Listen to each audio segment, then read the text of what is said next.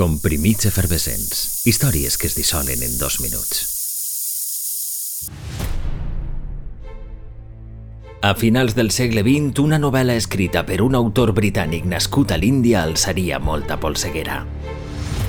Segons algunes autoritats religioses musulmanes, l'obra tractava de forma irreverent i blasfema la infal·lible figura del profeta Mahoma. Es cremarien exemplars i s'escriurien edictes religiosos, però sobretot, un 24 de febrer l'Ayatollah Khomeini posaria preu a la vida de l'autor dels versos satànics, Salman Rushdie.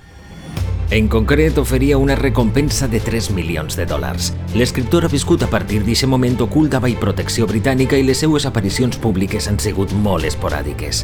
La novel·la fou prohibida en nombrosos països i tot aquell que col·laborara en la seva edició o difusió estava greument amenaçat. De fet, el traductor al japonès de la novel·la fou assassinat a la porta de sa casa. De res va servir que l'any 1990 Rushdie, en un intent conciliador, publicara un assaig en què afirmava el seu respecte per l'islam. La fàtua, l'edicte religiós que va signar el líder iranià, continuava vigent i la recompensa per aquell que aconseguirà executar-lo també.